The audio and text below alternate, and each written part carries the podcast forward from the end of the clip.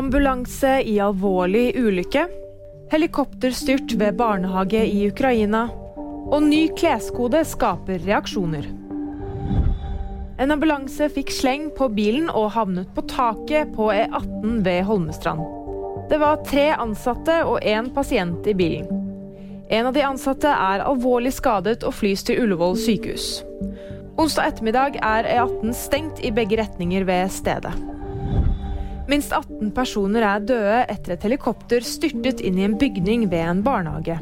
Det sier guvernøren i Kiev. 25 personer er skadet og sendt til sykehus, og blant de døde er Ukrainas innenriksminister, som var om bord i helikopteret.